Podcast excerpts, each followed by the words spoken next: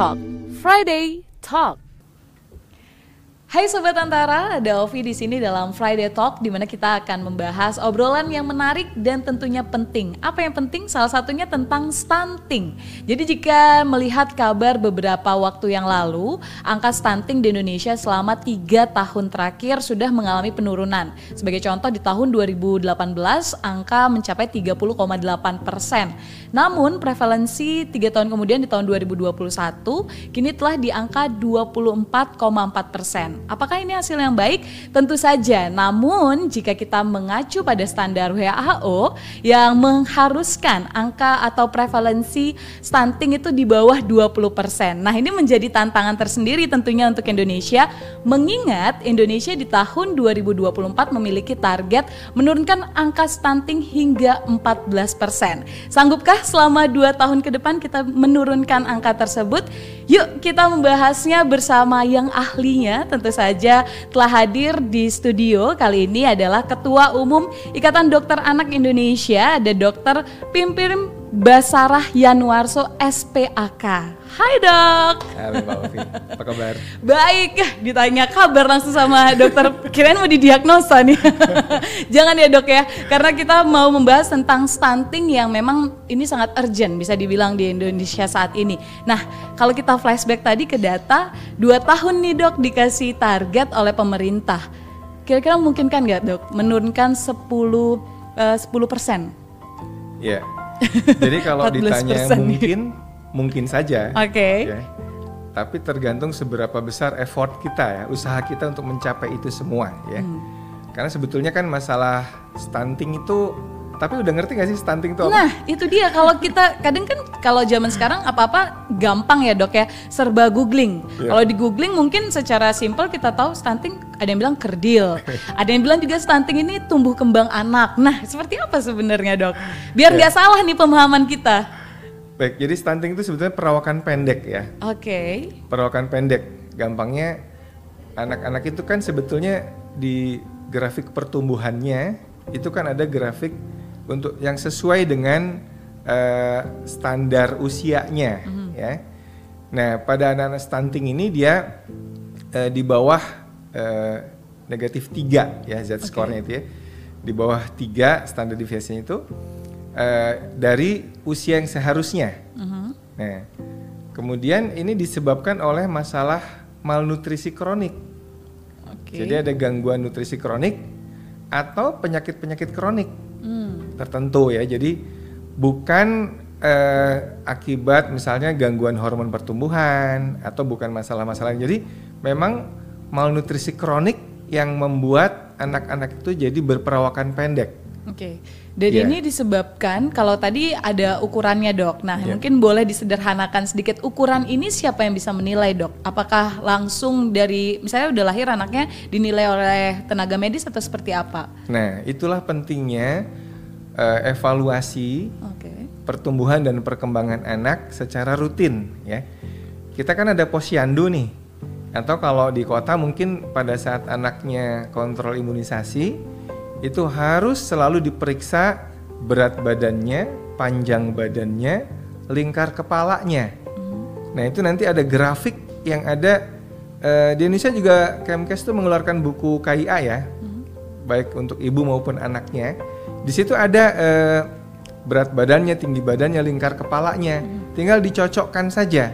Ini anak saya masih on the right track nggak ya? Oh. Untuk masih uh, di jalur yang benar apa enggak gitu. hmm. Nah kalau sudah mulai ada uh, penyimpangan, baik dia datar aja itu sudah nggak benar karena kan anak harusnya naik ya. Hmm.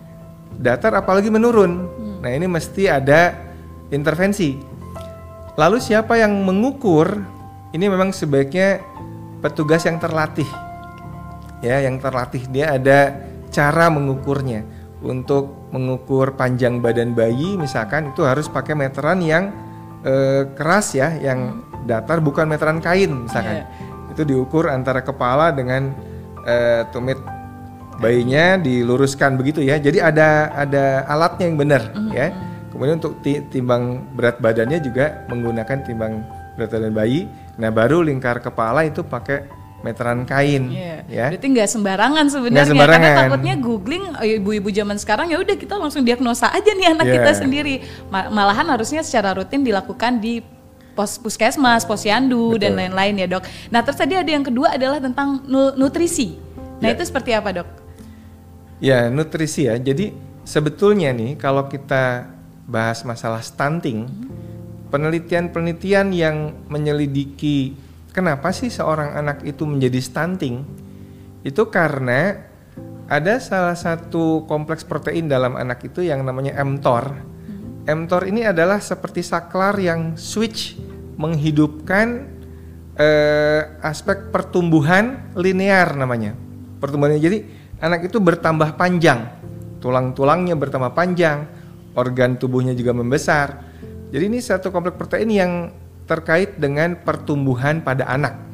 Nah, switchnya si mTOR ini akan bisa beroperasi kalau kadar asam amino esensialnya cukup. Hmm. Gitu. Jadi pada anak-anak stunting itu ternyata ketahuan bahwa mTOR-nya tidak aktif karena asam amino esensial yang ada 9 itu kurang darah, kadarnya dalam darah. Dan kita tahu asam amino esensial ini ada pada protein hewani. Hmm ya kan? Jadi kalau di Indonesia yang murah meriah ya telur, ikan, unggas, ya, hati ayam, ya. Kalau ikan yang paling bagus tuh ikan kembung sebetulnya. Oh ikan kembung iya, ya? ikan okay. kembung. Uh, itu omega 3-nya sangat tinggi, mm -hmm. ya. Kalau salmon tuh bagus juga tapi mahal ya. Baru mau bilang tapi budget nggak cukup. Oke, ikan kembung bisa. Ikan kembung okay. itu uh, eh, budget lah sesuai yeah. dengan budget. Jadi uh, sederhana sebetulnya untuk preventif ya upaya promotif preventif di bidang stunting ini cukupi kebutuhan protein hewani pada anak-anak kita. Hmm. Ya, jangan sampai salah persepsi. Oh, anak-anak sejak bayi kasih sayur gitu ya. Iya, kasih buat sehat biar bukannya, sehat iya. Bukannya sehat, malah bikin sembelit ya. Oh. Kalau kebanyakan serat pada bayi terutama ya di enam bulan pertama apa setelah enam bulan MPASI itu justru fokusnya nanti di protein hewani. Hmm. Ya. Oke. Okay. Berarti setelah MPASI adalah uh, fokus orang tua harusnya sekarang memenuhi asam amino tadi yang bisa didapatkan di uh, hewani ya dok, Betul. atau telur, ikan dan lain-lain. Ya. Nah tapi kalau tentang stunting ini tentu akan berhubungan dengan seribu hari pertama kehidupan sebelum uh, MPASI. Ini seribu hari dihitung dari kapan dok? Dari baru lahirkah atau dari mana? Ya eh, seribu hari pertama kehidupan ya dari bayi lahir ya. Oke. Okay. Dari bayi lahir itu eh, kita mengenal golden period mm -hmm. untuk pertumbuhan dan perkembangan otak ya. Jadi otak manusia itu kan eh, terutama di dua tahun pertama kehidupannya itu mengalami pertumbuhan yang sangat pesat. Nah stunting ini adalah ketika gangguan nutrisi itu terjadi di awal-awal bisa jadi pertumbuhan dan perkembangan otaknya itu terhambat. Walaupun anak itu bisa catch up, catch up itu bisa mengejar berat badannya jadi normal lagi, tapi pertumbuhan otaknya itu bisa jadi miss dia, oh. bisa jadi nggak tercapai. Akibatnya bisa menurun IQ-nya itu beberapa poin ya. Kalau dia kena gangguan nutrisi di fase uh, keemasan tumbuh kembangnya ini. Ya, jadi itu pentingnya kita mengawal pertumbuhan dan perkembangan anak itu sejak uh, dini, hmm. sejak bahkan sejak di dalam janin. Oh. Ya, karena ketika bayi itu ada namanya pertumbuhan janin terhambat ya. Jadi bayi itu sudah malnutrisi sejak dalam kandungan, maka ini pun nanti bisa melahirkan anak yang stunting juga. Hmm. Ya, oleh karena itu uh, karena stunting ini sebuah siklus ya oleh karena itu sebaiknya memang pada saat remaja bahkan remaja putri hmm. itu dipastikan betul bahwa asupan nutrisinya dia bagus. Ya, kembali protein hewaninya, zat besinya. Zat besi itu banyak pada seperti hati ayam, ya, daging merah, ya. Okay. Remaja putri yang anemia hmm. ini sangat juga berpotensi nanti eh, apa namanya Melahirkan. punya bayi yang stunting juga. Baik, ya. berarti memang harusnya dari remaja oh, khususnya adalah calon-calon ibu ya, iya, remaja ya, putri, ibu. kita bagaimana sering kontrol juga ya Betul. berarti dok untuk mengetahui apakah kita anemia atau tidak dan meningkatkan zat besi yang ada di dalam darah. Betul. Oke, sebelum membahas nanti tentang pencegahan, Dok, ini menarik karena uh, saya membaca salah satu riset ini ada yang sempat dilakukan di Nusa Tenggara Barat di mana ad, apakah sebenarnya ada hubungan ketebalan lipatan kulit? Biasanya ini kan sering lihat, ih bayinya gemuk, nah kayak kayak gitu. Dengan pemberian makanan tambahan kepada anak stunting, yang ternyata kala itu hasilnya tidak ada kenaikan yang signifikan, dok. Apakah ada hubungan sebenarnya? Ketebalan lipatan kulit itu uh uh, biasanya kan lingkar lengan atas ya yeah. diukur ya. Mm -hmm. Itu memang untuk menilai uh, malnutrisinya, oh. ya. Tapi kan itu uh, ketebalan lipatan kulit itu nanti erat kaitannya dengan lemak lemak okay. tubuhnya ya. mm -hmm. Nah ini kalau stunting kita bicara masalah tinggi badan, oh. masalah panjang badan, mm -hmm. pertumbuhan linear. Mm. Bisa jadi anak itu gemuk, mm -hmm. tapi nggak tinggi, iya kan? Mm -hmm. yeah, Yeah. Bisa jadi gemuk tapi tidak tinggi. Nah ini hati-hati anak yang perawakannya pendek tapi berat badannya lebih. Itu bisa jadi perawakan pendek yang bukan stunting, bukan gara-gara malnutrisi. Mungkin dia ada uh, kekurangan zat, uh, kekurangan hormon pertumbuhan, mm. ya, atau masalah sindrom yang lain. Mm. Jadi kalau masalah ini kita mesti melihat uh, istilahnya apa ya? Usia berat anak itu mm. dibandingkan usia tingginya, ya. Kalau pada anak stunting usia beratnya lebih rendah daripada usia tingginya. Oke, berarti memang perlu diwaspadai juga Betul. sebenarnya dilihat belum belum berarti ketika lipatannya tebal, ini juga pertumbuhannya baik ya, Dok ya. Banyak ya. faktor sebenarnya Betul. yang harus diperiksa dan dianalisis lebih lanjut. Ya. Panjang badan itu hmm. penting. Panjang badan karena ya, stunting di sini clue-nya atau kalau kita lihat secara kasat mata adalah tergantung tinggi badan bayinya itu ya dok yeah. ya dan pertumbuhan anak itu. Oke dok, uh, kalau misalnya ini di Indonesia banyak sekali masih provinsi provinsi-provinsi yang ternyata angka stuntingnya cukup tinggi. Akhirnya banyak uh, khususnya di pedesaan ini yang menghubungkan dengan kemiskinan sebenarnya. Nah, bagaimana dokter melihat hal tersebut? Apakah memang nih akhirnya kemiskinanlah yang menjadi pemicu dari stunting? Ya, Padahal bisa kita kaya ya, ya dok ya. Bisa ya dan bisa enggak. Oke. Okay. Tapi yang lebih penting adalah pemahaman uh, orang tuanya ya. Contoh begini, di daerah uh, nelayan katakanlah ya, uh, orang tuanya menangkap ikan, tapi kemudian ibunya ikannya dijual dibelikan mie instan misalkan, ya kan? Di banyak di daerah-daerah itu anak dikasih mie, uh, nasi, lauknya mie, sambal goreng kentang, tempe, susunya kental manis. Jadi kan nggak ada proteinnya ya, iya, iya. nggak ada proteinnya. Iya. Tapi anaknya asal kenyang aja, hmm. iya kan? Hmm. Di daerah di Papua itu ada sebuah daerah yang di bawahnya itu ada kepiting, hmm. ya kepiting enak kepitingnya. Kepitingnya dijual diberikan mie instan, hmm. dikasihkan ke anaknya. Hmm. Ini kan sebetulnya bukan masalah uh, kekurangan tetapi ketidaktahuan. Ya, edukasi ya. Kan? ya. Edukasi. Hmm. Dulu kita juga sering dengar stunting dikasih biskuit. Hmm. Yeah, ya kan? Yeah, yeah, Nggak yeah. nyambung. Nggak nyambung padahal kan stunting itu terapinya ya protein hewani kan, preventifnya. Hmm. Kalau dia udah stunting berat itu mesti dibawa ke dokter anak. Mungkin perlu susu khusus ya untuk supaya mengejar ya kecap. Tapi kalau untuk promotif preventif masalah stunting ini uh, gerakan makan telur tiap hari, gerakan makan ikan tiap hari, itu saya kira sangat efektif kalau kita mau mengejar target pemerintah kita uh, bisa tercapai ya. Jadi harus masif ini gerakan uh, protein hewani pada bayi dan balita kita. Ini sangat-sangat penting. Benar. Uh, saya setuju ini dok, karena berarti kalau misalnya masih ada anggapan apakah gara-gara miskin akhirnya menyebabkan stunting, sebenarnya itu kembali lagi ke edukasi kalau ya. kata saya. Tapi berbagai edukasi tentunya sudah diberikan ya dok ya. Apakah masih, apakah treatment-treatment edukasi yang harus diberikan antara masyarakat pedesaan dan perkotaan ini berbeda dok?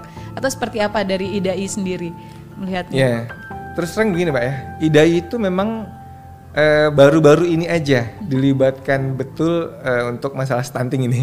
Mohon maaf ya, saya agak curhat sedikit. Jadi dulunya itu kan memang nggak uh, banyak kata kunci protein hewani itu belum keluar dari dulu. Hmm. Ini baru akhir-akhir ini kita dengar nih stunting itu kuncinya protein hewani gitu, sederhana sebetulnya.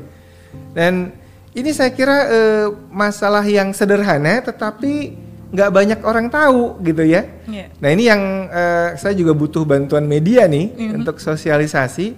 Insya Allah kalau saya optimis nih kalau gerakan uh, protein hewan ini apa sudah melu, menyebar luas ke masyarakat, anak-anak kita itu diberi nutrisi yang benar mm-hmm. ya, cukupi pada saat MPASI. Pada saat MPASI itu fokus nanti protein hewaninya harus cukup, harus banyak. Mm-hmm. Harus uh, uh, banyak ya protein hewan itu kan ada nanti ada proteinnya dan ada lemak eh, hewaninya ya. Itu harus cukup. Insya Allah anak-anak kita tidak tidak stunting. Bisa terhindar ya. dari stunting. Iya. Ini khusus juga pesan berarti dari dokter untuk Mahmud Mahmud ya dok ya, mama muda mama muda nih supaya tidak langsung menangkap sebuah informasi bulat-bulat. Jadi sebenarnya untuk mencegah stunting adalah penuhi protein hewani ya. setel, uh, khususnya adalah ketika MPASI tadi. Betul. Maka target pemerintah untuk 14% di tahun 2024 bisa tercapai ya dok Insya ya? Allah, ya. nah ini kalau membahas juga tentang uh, stunting Mungkin makanan-makanan atau pranya itu sendiri dok. Kalau tadi kita membahas adalah tentang ibu yang sebaiknya dari remaja sudah mulai memenuhi zat besi dan lain-lain. Apalagi eh, tahap-tahap atau langkah-langkah preventif yang bisa dilakukan dok sebenarnya? Ya, karena salah satu penyebab stunting itu juga adalah penyakit ya. Hmm. Selain nutrisi juga penyakit kronik ya. Maka melengkapi imunisasi ya pada anak itu juga bisa berperan penting karena anak yang bolak-balik sakit itu akan terganggu nutrisinya, ujung-ujungnya stunting juga. Oh. Jadi anak yang sehat itu nafsu makannya akan baik, makannya juga bisa banyak. Insya Allah nggak stunting kan? Ya. Kalau dibekasi asupan yang benar ya. Baik. Tapi kalau anak itu bolak-balik sakit, ya, bolak-balik dirawat masuk ke rumah sakit, nah ini kan tentu akan berpengaruh ke nutrisi yang masuk ke dia. Hmm. Nah, di di sinilah kemudian pentingnya uh, melengkapi imunisasi rutin sebetulnya yang sudah digariskan oleh pemerintah. Hmm. Ya, uh, sayangnya nih pandemi ini membuat cakupan imunisasi kita anjlok. Menurun, oke. Okay. Menurun. Buktinya apa? Buktinya sudah mulai muncul kembali penyakit-penyakit yang bisa dicegah dengan imunisasi, PD3I ya. Hmm. Penyakit-penyakit yang dapat dicegah dengan imunisasi. Uh, ada beberapa laporan yang sudah melaporkan difteri hmm, okay. muncul kembali, rubella, campak, tetanus bahkan. Dan ini membuat kita prihatin ya. Yeah. Sebab selama ini penyakit itu sudah terkendali. Betul, betul. Dengan cakupan imunisasi yang uh, tinggi ya. Tapi uh, pandemi ini cukup berdampak saya kira. Baik, kalau yang dilakukan akhirnya setelah mengetahui dan mendapatkan data tersebut adalah jemput bola atau bagaimana dok kolaborasinya dari ya, dari? Oleh karena itu Kemkes kan menggaungkan BIAN ya, uh-huh. Bulan Imunisasi Anak Nasional ya. Tapi eh, terus terang ini tidak sesukses gerakan-gerakan imunisasi sebelumnya. Uh-huh. Saya nggak tahu kenapa. Ini juga mungkin butuh bantuan juga dari yeah. media juga. Mungkin karena eh, orang-orang nggak ngeh apa sih sebetulnya penyakit-penyakit berbahaya yang muncul kembali ini gitu. Hmm. Ya misalnya eh, saya kasih contoh difteri lah. Hmm. Difteri itu sebuah penyakit saluran pernafasan yang kalau anak itu tertular difteri, dia saluran nafasnya tersumbat oleh selaput putih. Akibatnya kerongkongannya ini, tenggorokannya ini mesti dibolongi. Dibedah, dioperasi, dipasang selang ya kan? Hmm. Itu kan kesian, anaknya nggak bisa nafas, grok grok grok grok gitu ya. Oke, katakanlah dia nanti tertolong, uh, sudah dipasang selang, dibolongi uh, trakeanya itu. Tapi nanti pas menjelang pulang dua minggu kemudian jantungnya berhenti berdenyut. Okay. Karena racunnya sudah keburu menyebar. Nah ini difteri bahaya seperti itu. Yeah. Kematian karena difteri itu bisa mencapai 20% sampai 25%. Jadi ini yang dilupakan ya. Ini dilupakan. Orang abai bahkan ada ibu-ibu nanya difteri itu dok yang be beraknya berdarah itu ya katanya. Itu diare, Bu. itu disentri. oh, di, disentri bisa diare juga. Jadi difteri dianggap disentri. Kalau okay. disentri oh, kan disentri. ya nggak se nggak seheboh itu kan. Iya, iya. Nah, kalau iya. difteri ini heboh sebetulnya harusnya. Cuman masyarakat kita nggak aware dengan itu. Padahal itu bisa diatasi dengan imunisasi ya dok. Dengan ya, imunisasi dan itu gratis ya. Hmm. Pada saat Bian ini uh, kan gratis nih. Hmm. Silakan mungkin uh, orang tua orang tua uh, pada berbondong-bondong ya ke layanan kesehatan, baik itu puskesmas, posyandu, untuk uh, diberikan bian mm-hmm. ya bulan misalnya anak sekolah ini eh anak nasional ya supaya anak-anak kita kembali uh, catch up lagi imunisasinya. Ya. ya. Karena dari imunisasi ini juga menjadi gerbang awal untuk mengatasi stunting ya dok. Kalau misalnya ya. masuk rumah sakit terus seperti kata dokter, bagaimana kita mau mengatasi stunting? Betul. Ini juga yang terfokus pada ibu terkait dengan nutrisi adalah ASI dok. Ya. Penting sekali memberikan ASI khususnya enam bulan pertama. Namun terkadang ada ibu yang kesulitan dok. Nah ini bagaimana solusinya? Seringnya saya disuruh pakai susu formula sih dok. Iya ini dok?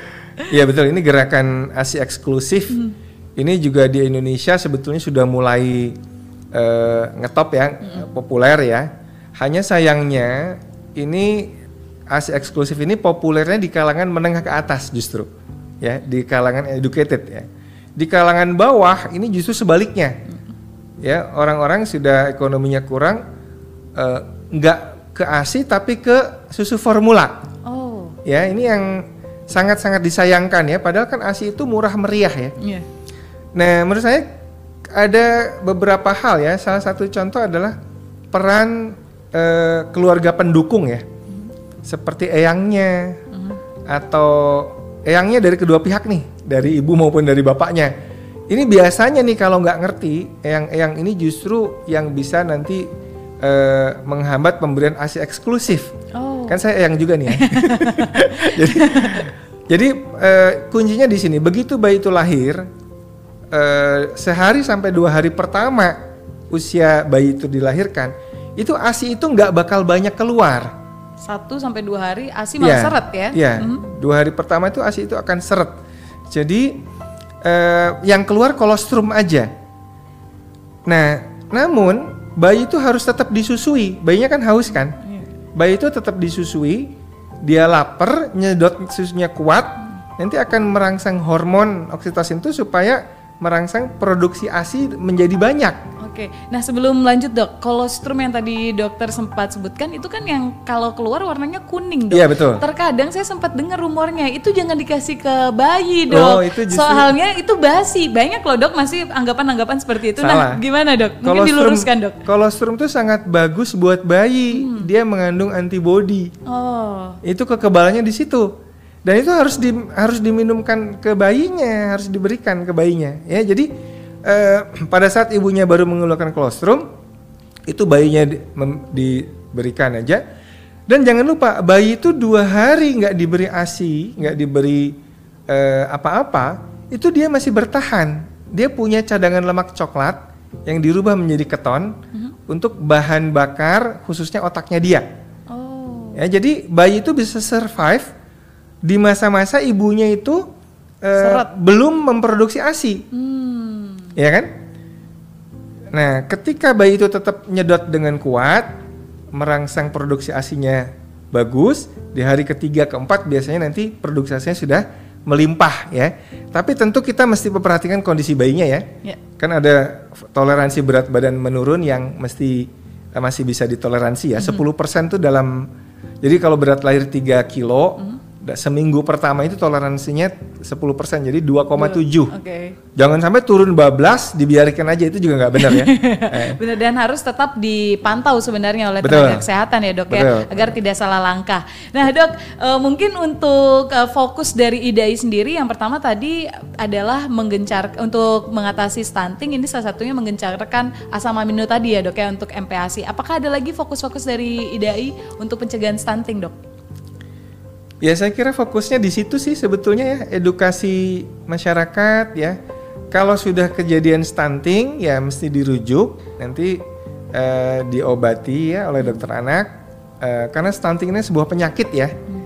Nanti makanya eh, apa nih kalau udah kejadian stunting mesti dirujuk ke SPA hmm. untuk nanti dilakukan tata laksana tata laksana nutrisinya.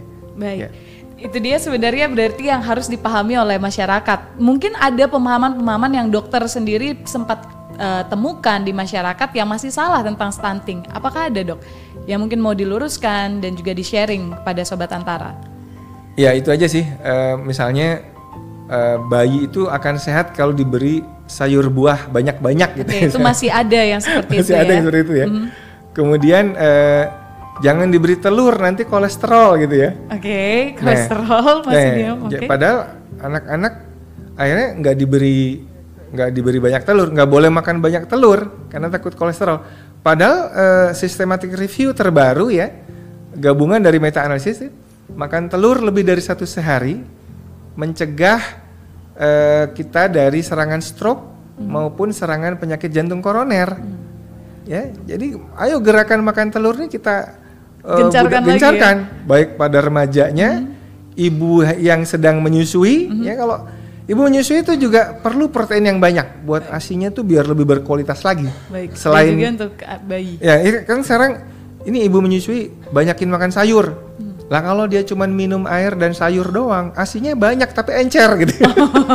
tidak bagus Gak berkualitas. Iya benar, tidak berkualitas juga. Kalau mau masih berkualitas, ibunya juga protein hewani masih banyak. Baik, ya. mengencarkan lagi program satu hari makan satu telur, satu ikan juga ya dok ya. Betul. Saya korika juga ini banyak sekali manfaat dan juga nutrisi yang bisa kita dapatkan. Banyak hal yang sudah kita bahas dok dari tadi khususnya terkait tentang stunting. Di antaranya adalah stunting ini disebabkan oleh kurang edukasi sebenarnya di Indonesia sendiri yang masih banyak pemahaman-pemahaman yang salah. Jadi ter, uh, uh, sedari tadi juga sudah diluruskan oleh dokter sendiri tentang apa yang harusnya dilakukan. Yang pertama adalah memenuhi nutrisi khususnya asam amino yang bisa didapatkan dari telur, lalu juga ikan dan masih banyak lagi. Jadi kita bisa bersama-sama dan juga berkolaborasi untuk mewujudkan target Indonesia di tahun 2024 di mana mengharapkan target angka stunting itu di angka 14%. Setuju ya, Dok ya? ya. Sekali lagi saya mengucapkan udah, terima, kasih terima kasih dan juga untuk sobat Antara semua, semoga obrolan ini bisa memberikan perspektif baru untuk kita semua dan menambah wawasan kita khususnya bagaimana menghadapi stunting. Sampai berjumpa lagi di obrolan-obrolan menarik lainnya di portal Antara berikutnya.